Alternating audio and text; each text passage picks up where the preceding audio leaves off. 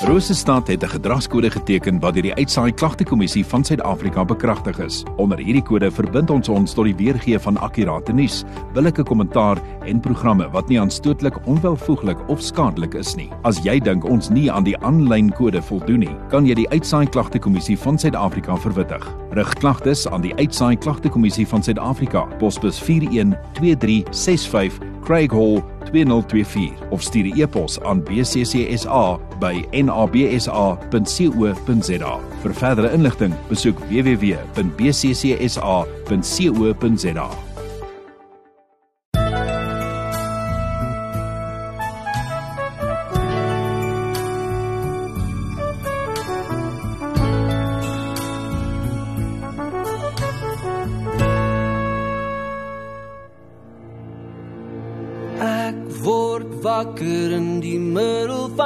nag die laken gly van my. Goue voete af die kamer bly agter die aarde. Laat my gaan soos ek spoorloos verdwyn en deur die dak uitgaan. Daaronder is geleide ek koer op breke deur 'n flits Deur die venster gehardloop en geskree maar ek styg net saggies ek styg soos 'n droom vir die wolke uit my oë uit soos die nag ontsoem my vas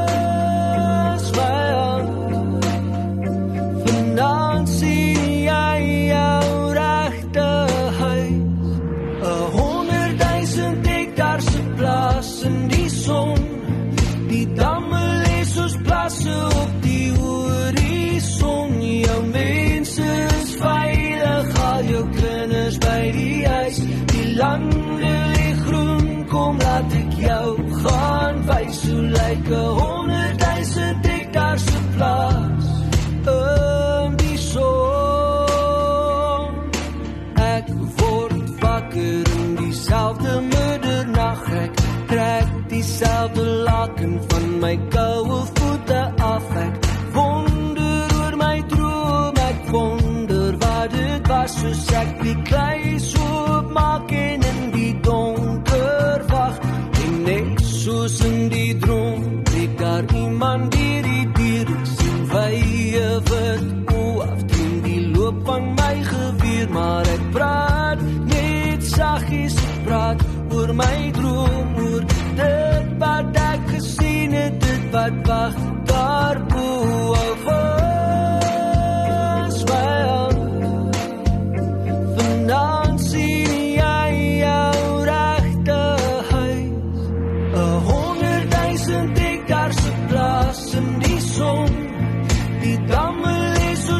soos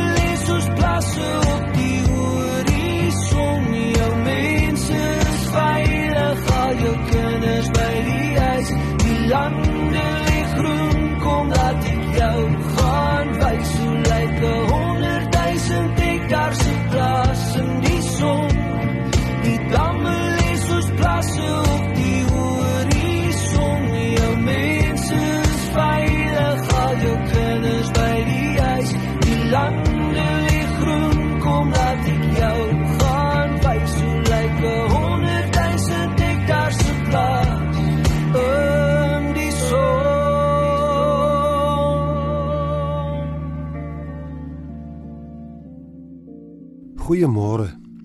Kom ons lees vanmôre saam die geskiedenis van Josef waar hy hom aan sy broers bekend gemaak het nadat hulle teruggekom het in Egipte nadat hulle koring kom koop het.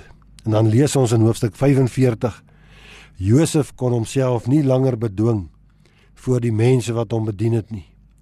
Hy het hulle almal beveel om van hom af weg te gaan en daar was nie van die wat hom gedien het nie een by hom toe hy hom aan sy broers bekend gemaak het nie. Hy het so hard gehuil dat die Egiptenaars en die mense in die Farao se paleis dit gehoor het. Toe sê Josef vir sy broers: "Ek is Josef. Leef pa werklik nog?" Sy broers kon hom nie antwoord nie. Hulle was te bang vir hom. Maar hy het vir hulle gesê: "Kom na my toe." En toe hulle nader kom, sê hy: "Ek is julle broer Josef. Julle het my verkoop en ek is Egipte toe gebring. Maar julle moet nou nie sleg voel of bang wees omdat julle my verkoop het nie, want God het my voor julle uitgestuur om lewens te red." En dan in vers 8 sê hy: "Dis nie julle wat my hierheen gestuur het nie, maar God." Hy het my laat aanstel as die Farao se raadgewer en as bevelhebber oor sy huis en as regerder oor die hele Egipte. Liewe luisteraar, die sterkte van die emosies wat hier ter sprake is, moet ons nie onderskat nie. Dis nou al 20 jaar vandat Josef se broers hom verkoop het. Hulle het inderdaad gedink dat hy al dood is. En Josef het hulle nou al twee keer teruggestuur met hulle koringgeld in hulle sakke. Die tweede keer met sy silwerbeker in Benjamin se sak. En Josef het nou gesien dat hulle werklik spyt is oor wat hulle destyds aan hom gedoen het. En dan kry die emosies die oorhand oor hom en hy bars in trane uit. In vers 2 het ons gelees: Hy het so hard gehuil dat die Egiptenaars en die mense in die Farao se paleis dit gehoor het. In vers 14 staan daar: Toe omhels Josef sy broer Benjamin en hy huil. Ook Benjamin het op sy broer se skouer gestaan en huil. Na 20 jaar broers wat vergewe, wat versoen, wat bereid is om nuut te begin. Ons kan ons dit skaars voorstel. Maar onder al hierdie emosies, dit moet ons weet, lê iets baie diepers. Josef sê in vers 5: "Maar julle moet nou nie sleg voel of bang wees omdat julle my verkoop het nie, want God het my voor julle uitgestuur om lewens te red." En in vers 8 sê hy: Dis nie julle wat my hierheen gestuur het nie, maar God. Menslike emosies kry eers werklik betekenis wanneer dit binne die groter raam van God se plan gesien word. Josef besef nou en dis wat hy vir sy broer sê, God het hom gestuur. En om gestuur te wees beteken om 'n roeping te hê, om 'n doel te hê. God het hom gestuur om lewens te red. Maar baie dinge moes eers gebeur voordat Josef hierdie belydenis kon uitspreek.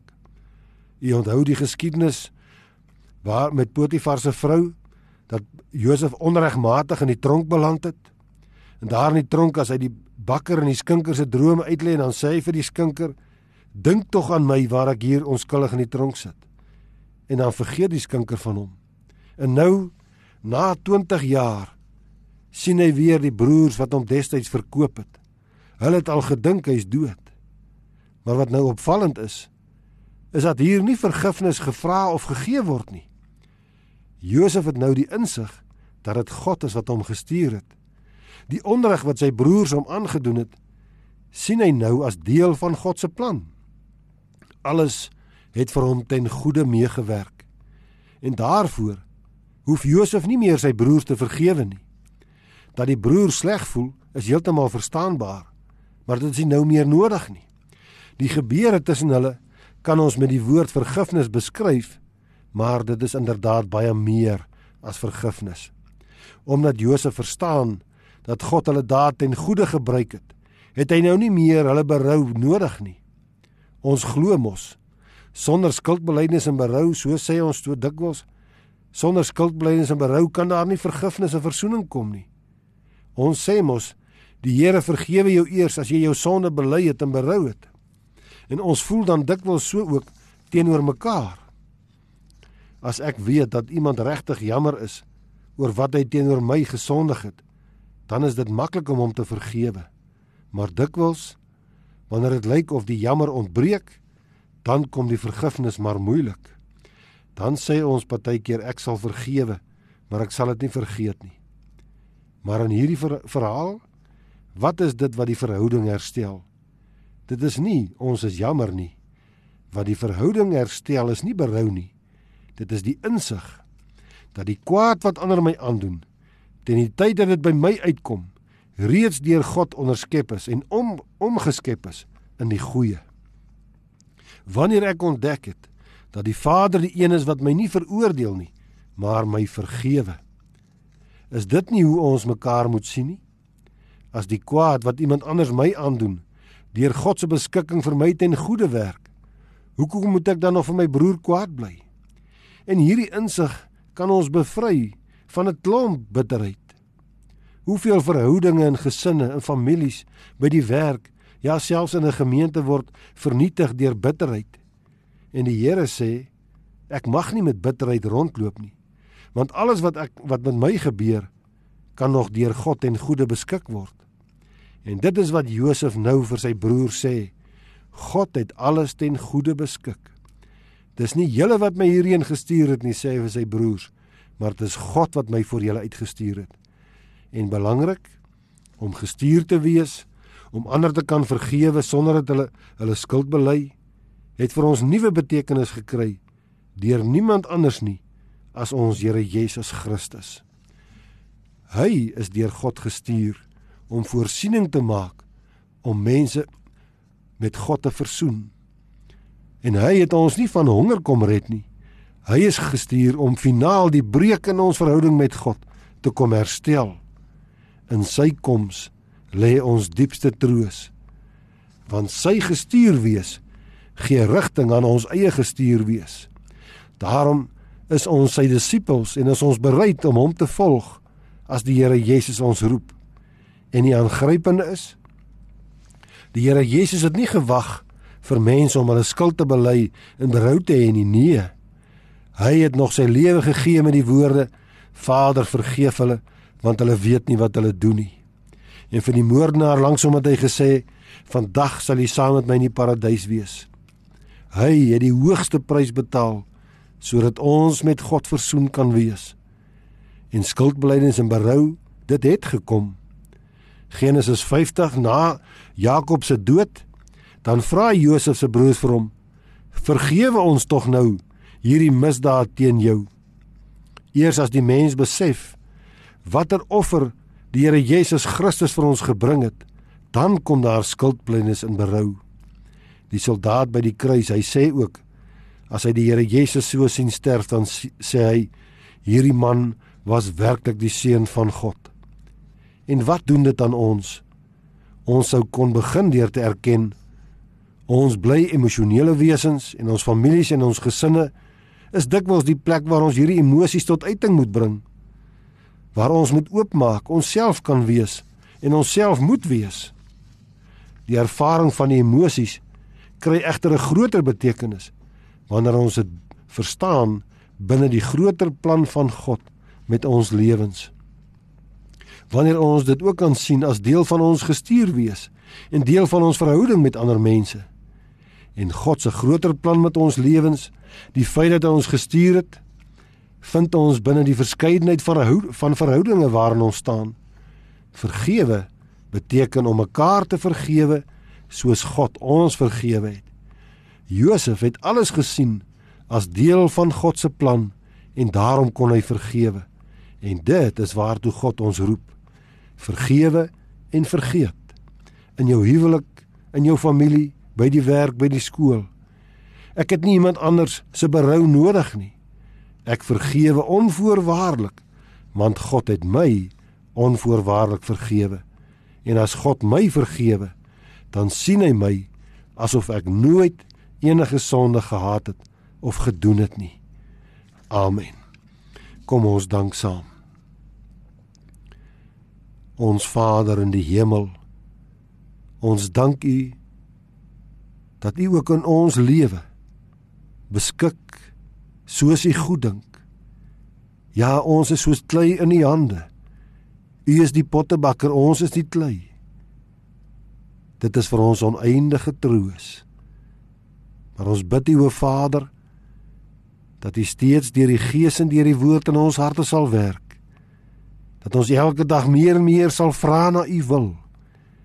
En dat ons die slegte dinge wat in ons lewe gebeur sal sien as U plan in ons lewe om uiteindelik vir ons alles ten goeie te laat werk. Dit bid ons van U in die naam van ons Here Jesus Christus. Amen. Ek